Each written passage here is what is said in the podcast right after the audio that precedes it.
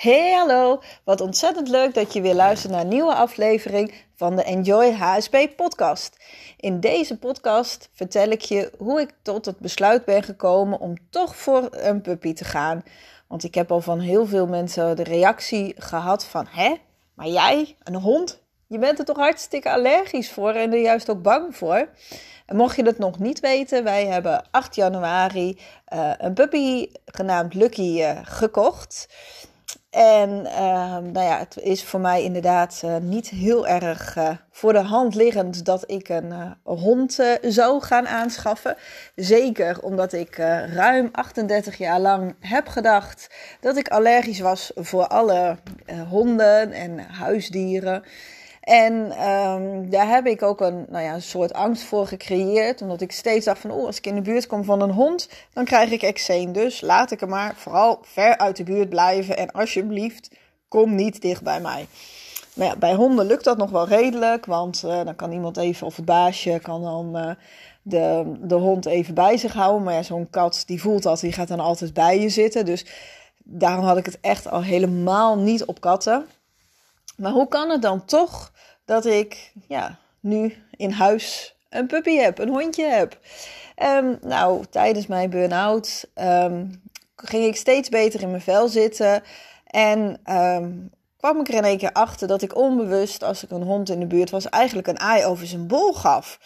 En ik dacht van ja, maar hoe kan dat dat ik nu zo mijn hond ga aaien, terwijl ik er gewoon eczeem van krijg?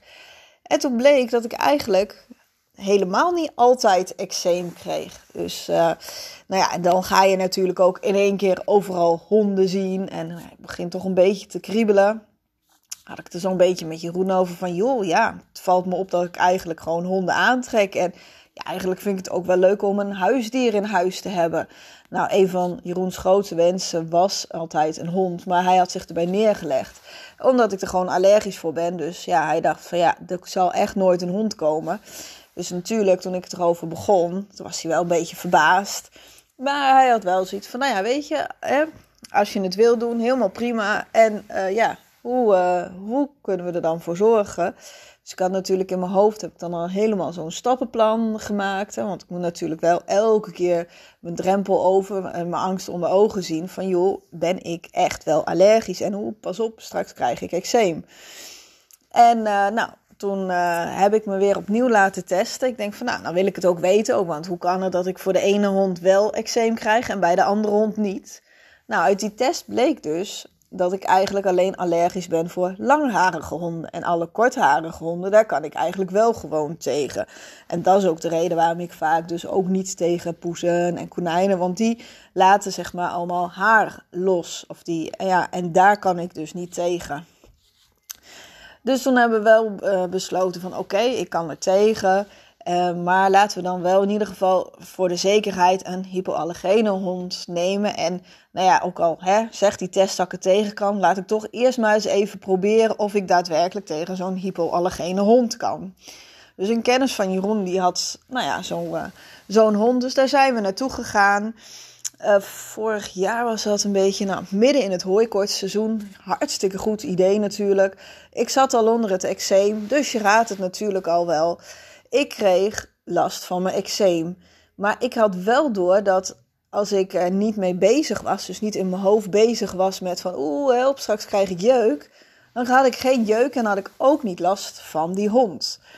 Dus toen dachten we van nou weet je wat, laten we het even bezinken en nou, dan gaan we kijken.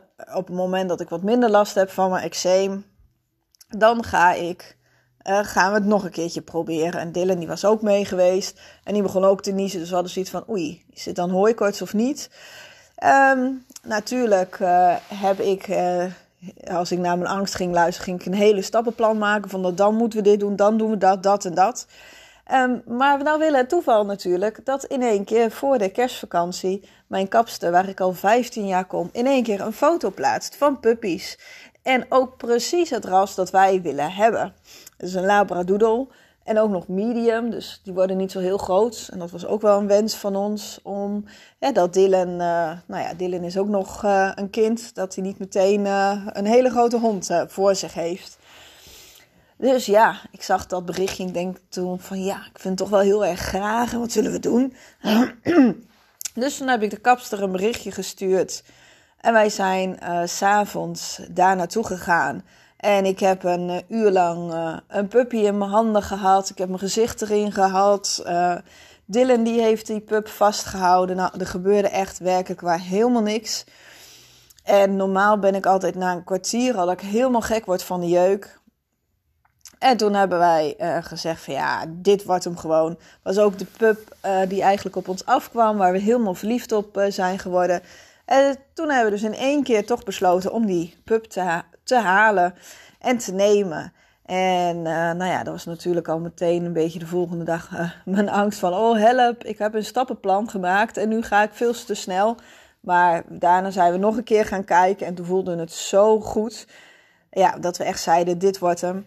En op 8 januari konden we hem gaan ophalen en waren we helemaal verliefd op de pup. En hij is er nu, eh, nou ja, echt al wel een poos. En tot op heden heb ik nog steeds geen last van mijn eczeem gehad.